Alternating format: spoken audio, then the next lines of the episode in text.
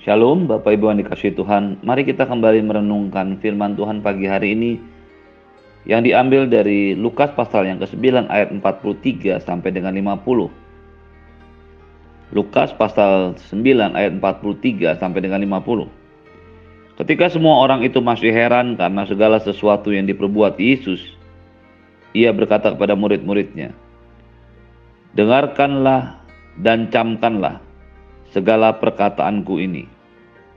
Anak manusia akan diserahkan ke dalam tangan manusia. Mereka tidak mengerti perkataan itu, sebab artinya tersembunyi bagi mereka, sehingga mereka tidak dapat memahaminya, dan mereka tidak berani menanyakan arti perkataan itu kepadanya. Maka timbullah pertengkaran di antara murid-murid Yesus tentang siapakah yang terbesar di antara mereka. Tetapi Yesus mengetahui pikiran mereka, karena itu ia mengambil seorang anak kecil dan menempatkannya di sampingnya. Dan berkata kepada mereka, Barang siapa menyambut anak ini dalam namaku, ia menyambut aku. Dan barang siapa menyambut aku, ia menyambut dia yang mengutus aku. Karena yang terkecil di antara kamu sekalian, dialah yang terbesar. Yohanes berkata, Guru, kami lihat seorang mengusir setan demi namamu, lalu kami cegah orang itu karena ia bukan pengikut kita. Yesus berkata kepadanya, "Jangan kamu cegah, sebab barang siapa tidak melawan kamu, ia ada di pihak kamu." Bapak Ibu yang dikasih Tuhan, kita sudah belajar di ayat-ayat sebelumnya ketika Yesus mengusir roh jahat dari seorang anak yang sakit. Ketika setan itu keluar dari anak itu, banyak orang menjadi takjub melihat apa yang dikerjakan oleh Tuhan Yesus. Ayat 43 bagian A mengatakan maka takjublah semua orang itu karena kebesaran Allah. Ketika semua orang masih terheran-heran dan takjub melihat semua yang terjadi, Yesus berkata kepada murid-muridnya, Dengarlah dan camkanlah segala perkataanku ini. Apa yang Yesus ingin katakan dan lakukan di tengah-tengah muridnya adalah sesuatu yang harus diperhatikan sungguh-sungguh oleh para murid Ketika ada kekaguman, ada ketakjubkan, ketakjuban karena perkara yang dahsyat yang dilakukan oleh Tuhan Yesus. Tuhan Yesus justru mengajak murid-muridnya untuk mendengarkan dia dan mencamkan. Kalimat ini sangat penting bagi setiap Anda dan saya yang hidup hari-hari ini. Apa pun fenomena yang kita lihat, apakah itu memuliakan Tuhan, apakah itu sebuah perkara yang dahsyat dan hebat, anda dan saya tetap harus mendengarkan dan mencamkan apa yang dikatakan Tuhan Yesus. Ada sesuatu yang luar biasa di balik semua peristiwa yang ajaib dan dahsyat.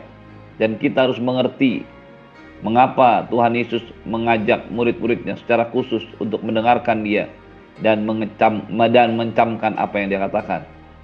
Kata camkanlah ini menunjukkan sebuah atensi, perhatian yang sungguh-sungguh terhadap firman. Dan inilah yang sering dilalaikan oleh banyak orang percaya hari-hari ini. Mereka hanya mendengar, mereka hanya membaca ayat Alkitab sambil lalu atau selintas atau segera secepatnya. Karena mungkin ingin segera menyelesaikan ayat-ayat membaca Alkitab atau mendengarkan khotbah atau mendengarkan ayat-ayat yang dia dengar. Tanpa pernah mencoba mencamkan, memahami dengan betul memberikan perhatian sungguh apa yang sebenarnya Tuhan mau sampaikan melalui ayat-ayat itu. Ayat-ayat Alkitab yang Anda dan saya baca sering kali menjadi sebuah ayat yang kita baca sambil lalu, sambil tidur, atau sambil ngantuk. Tetapi pagi hari ini, biarlah firman Tuhan mengingatkan kembali bahwa firman Tuhan harus Anda dan saya dengarkan sungguh-sungguh dan berikan perhatian. Harus dicamkan, harus betul-betul diperhatikan apakah yang dituliskan memang sesuatu yang harus mengubah sesuatu dalam hidup kita. Berapa banyak orang percaya orang Kristen yang terus atau sudah lama mengikut Tuhan. Bahkan sudah lama melayani Tuhan tapi tidak mengerti dengan betul apa yang sebenarnya Tuhan mau dari firman-Nya yang luar biasa itu. Itu sebabnya mengapa Tuhan Yesus mengajak murid-muridnya dan menyampaikan kepada mereka, dengarlah dan camkanlah segala perkataan apa yang Yesus katakan adalah sesuatu yang bertentangan dengan apa yang terjadi menjadi kekaguman banyak orang pada waktu itu. Dia berkata, anak manusia akan diserahkan ke dalam tangan manusia. Ketika orang banyak menyanjung dan heran, takjub dengan semua yang dikerjakan Yesus. Justru Yesus mengajar murid-muridnya secara khusus bahwa dirinya akan diserahkan kepada mereka, kepada tangan manusia. Ini adalah sebuah hal yang tentu saja akhirnya tidak bisa dimengerti oleh para murid. Itu itu sebabnya Alkitab berkata mereka tidak mengerti perkataan itu, artinya tersembunyi bagi mereka sehingga mereka tidak memahaminya. Seringkali hal yang sama terjadi dalam hidup Anda dan saya. Ketika kita membaca firman Tuhan, kita tidak mampu memahami. Artinya menjadi yang tersembunyi. Kita tidak memahaminya. Dan murid-muridnya menambahkan kesalahan mereka dengan tidak berani menanyakan arti perkataan itu kepadanya. Mengapa murid-murid tidak memahami, tidak mengerti perkataan itu? Yang pertama, karena mereka ada dalam sebuah euforia mujizat Allah yang terjadi sebelumnya. Mereka melihat dengan jelas bahwa Yesus adalah Tuhan. Ketika ia menegur roh jahat yang mengerasuk anak dan roh jahat itu keluar dan anak itu menjadi sembuh. Ketika semua orang menjadi takjub dengan semua yang dilakukan Yesus, Yesus justru mengatakan bahwa satu kali Sebentar lagi dia akan diserahkan dan dibunuh oleh mereka yang takjub itu. Hal ini menjadi sesuatu yang kontraproduktif bagi para murid-murid. Mereka sedang mencoba berpikir bahwa Yesus adalah Mesias menurut versi mereka. Seperti yang kita tahu, setiap orang Yahudi punya satu anggapan, punya satu pemahaman bahwa Tuhan, Mesias, Juru Selamat yang akan dikirim oleh Allah kepada mereka yang dikirim Tuhan kepada mereka adalah juru selamat yang akan membebaskan bangsa Yahudi dari perbudakan yang akan membawa kembali kerajaan Israel berdiri tegak yang akan membawa kembali Israel ke dalam masa kejayaannya seperti yang dialami pada zaman Daud maupun Salomo. Pemahaman yang salah tentang kehadiran juru selamat ini yang membuat mereka tidak mengerti apa yang disampaikan oleh Tuhan Yesus. Akal sehat mereka berkata, bagaimana mungkin seorang yang dahsyat luar biasa seperti Yesus yang mengusir setan dan setan lari, tiba-tiba harus mati dan diserahkan kepada manusia. Di manakah ketuhanannya? Di manakahnya? Di manakah kealahannya? Hal yang sama sering juga terjadi dalam hidup Anda dan saya. Setiap orang percaya, ketika kita mencoba mengerti Tuhan dengan cara pandang duniawi, dengan cara pandang jasmani. Tidak ada yang salah dengan mujizat dan semua tanda-tanda ajaib. Tidak ada yang salah dengan semua berkat-berkat yang Tuhan janjikan buat Anda dan saya. Tidak ada yang salah dengan janji-janji hidup kelimpahan, kesehatan sempurna. Karena itulah memang bagian kita. Tapi sering kali Tuhan menghadapkan peristiwa-peristiwa itu. Selanjutnya, dengan peristiwa-peristiwa yang secara jasmani tidak mungkin kita berkata itu adalah rencana Tuhan.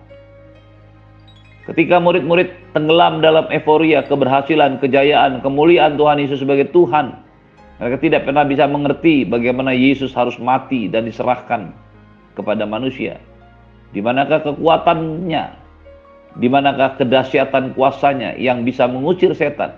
Masakah ia bisa ditangkap dan tidak bisa membebaskan diri? daripada orang-orang yang menangkapnya. Penting buat Anda dan saya untuk terus memahami firman dengan cara pandang yang benar. Dengan cara pandang yang ilahi seperti yang Roh Kudus pimpin kepada kita. Kita tidak bisa menilai apa yang Tuhan berikan dalam hidup kita hanya dengan perkara-perkara materi, semua yang sementara dan bisa hilang. Seringkali kita menilai berkat Tuhan hanya kepada sesuatu yang nampak oleh mata, yang dinikmati hanya di dunia ini. Arahkanlah hati dan pikiran kita untuk terus memandang kepada Tuhan dan mengerti apa yang Tuhan mau dan rencanakan dalam hidup kita, bukan hanya karena perkara-perkara yang bisa binasa, yang hilang dan sementara ini.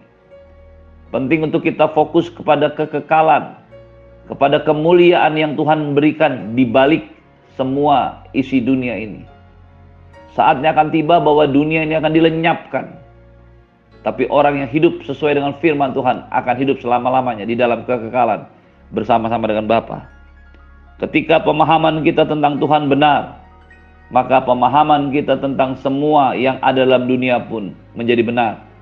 Sebaliknya ketika pemahaman Anda dan saya salah kepada Tuhan, kita hanya melihat Tuhan dari sisi keberhasilan, kesuksesan, kekayaan, dan kemakmuran, maka kita tidak akan pernah mampu memahami kemuliaan di balik semua kesulitan, masalah, kesakitan yang mungkin diizinkan Tuhan terjadi dalam hidup kita. Teruslah memandang kepada Tuhan, terus mendengarkan dan mencamkan perkataan Yesus. Maka kita tidak akan terjebak kepada euforia yang salah. Ayat selanjutnya menunjukkan betapa berbedanya apa yang Yesus inginkan dengan yang ada dalam pikiran mereka. Ketika mereka tidak mampu mengerti perkataan Yesus dan tidak mampu memahaminya dan tidak berani menanyakannya, lihatlah apa yang mereka kerjakan selanjutnya. Maka timbullah pertengkaran di antara murid-murid Yesus tentang siapakah yang terbesar di antara mereka.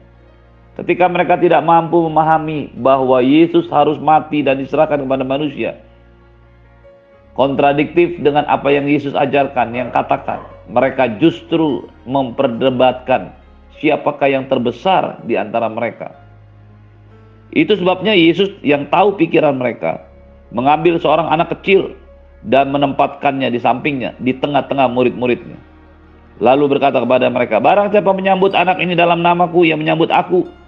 Barang siapa menyambut aku, ia akan menyambut dia yang mengutus aku. Karena yang terkecil di antara kamu sekalian, dialah yang terbesar. Ketika murid-murid Yesus tidak mampu memahami bahwa Yesus harus mati dan diserahkan, mereka justru memperdebatkan siapa yang terbesar di antara mereka. Dan Yesus dengan sabar mengajar mereka bahwa penilaian tentang sebuah keberhasilan di dalam Tuhan bukanlah penilaian seperti yang dunia atau manusia ini suka lakukan.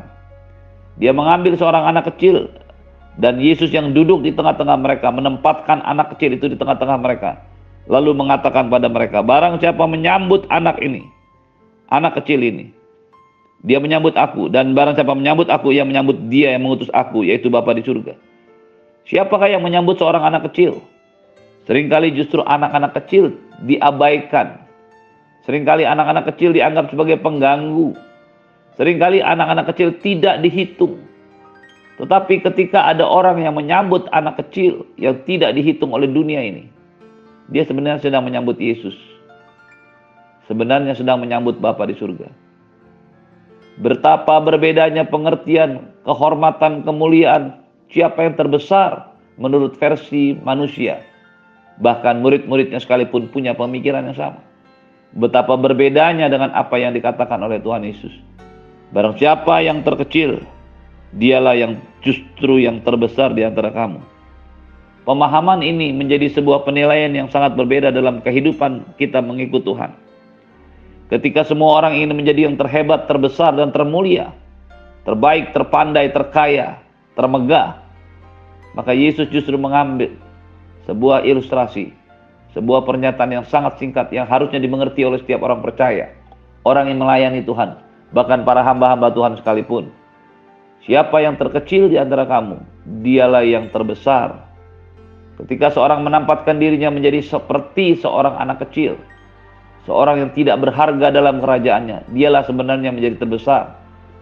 Ketika ada orang yang berusaha mengangkat diri, mempopulerkan dirinya, mengangkat-ngangkat dirinya lebih daripada keadaan sebenarnya, mencoba membangga-banggakan dirinya, maka sebenarnya dia sedang menempatkan dirinya sebagai yang terkecil dalam kerajaan Allah. Tetapi ketika seseorang menyadari bahwa dirinya adalah yang terkecil dalam kerajaan Allah, dirinya adalah yang terkecil di antara orang-orang lain, maka sebenarnya dialah yang terbesar dalam kerajaan Allah. Hal ini menjadi sebuah penilaian paradigma yang sangat berbeda, bertolak belakang dengan apa yang dikatakan oleh dunia ini. Ketika dunia berkata yang terbesar adalah yang terbesar, maka di dalam kerajaan Allah Yesus mengajarkan yang terkecil justru dialah yang terbesar di dalam kerajaan Allah. Belum sampai mereka memahami sepenuhnya apa yang dikatakan oleh Tuhan Yesus. Yohanes berkata, Guru kami lihat seorang mengusir setan demi namamu. Lalu kami cegah orang itu karena ia bukan mengikut kita. Apa yang dilakukan Yohanes? Bukan saja mencoba mengalihkan perhatian dari apa yang dikatakan Tuhan Yesus, tapi sekali lagi menunjukkan ketidakmengertian dia. Hal ini tentu saja tidak mengurangi penilaian hormat kita kepada Yohanes sebagai rasul. Tetapi firman Tuhan mengajar kita pagi hari ini untuk melihat Yohanes juga adalah seorang manusia yang memiliki ambisi keinginan pribadi yang harus dibentuk dan disempurnakan oleh Tuhan Yesus. Yesus berkata, Barang siapa tidak melawan kamu, ia ada di pihak kamu. Jangan kamu cegah. Kekristenan adalah sebuah kehidupan hari demi hari bersama-sama dengan Yesus. Ketika Anda dan saya percaya menerima Yesus sebagai Tuhan dan Juru Selamat pribadi, lalu bertobat dari dosa-dosanya, ia tinggal dalam hati kita. Dia akan membentuk kita seperti dirinya. Dan itu dimulai dari dalam hati kita, karakter kita, watak kita, dan dimulai dari sebuah sikap yang sama yang dikerjakan, yang dilakukan oleh Yesus sepanjang hidupnya dan pelayanannya, yaitu merendahkan diri. Tidak ada seorang pun yang kita bisa anggap sebagai lawan kalau dia bersama-sama dengan kita. Setiap rekan-rekan pelayanan gereja-gereja yang bersama-sama dalam pekerjaan Tuhan bukanlah lawan kita. Mereka adalah orang-orang yang bersama-sama dengan kita. Setiap saudara-saudara kita tidak seharusnya kita rendahkan karena mereka adalah rekan-rekan yang bersama-sama dengan kita mengerjakan pekerjaan Allah. Terimalah berkat yang berlimpah dari Bapa di surga, cinta kasih dari Tuhan Yesus, penyertaan yang sempurna dari Roh Kudus, menyertai hidupmu hari ini dan sampai selama-lamanya. Di dalam nama Tuhan Yesus semua yang percaya katakan amin. Shalom, selamat pagi, selamat beraktivitas. Tuhan Yesus berkati.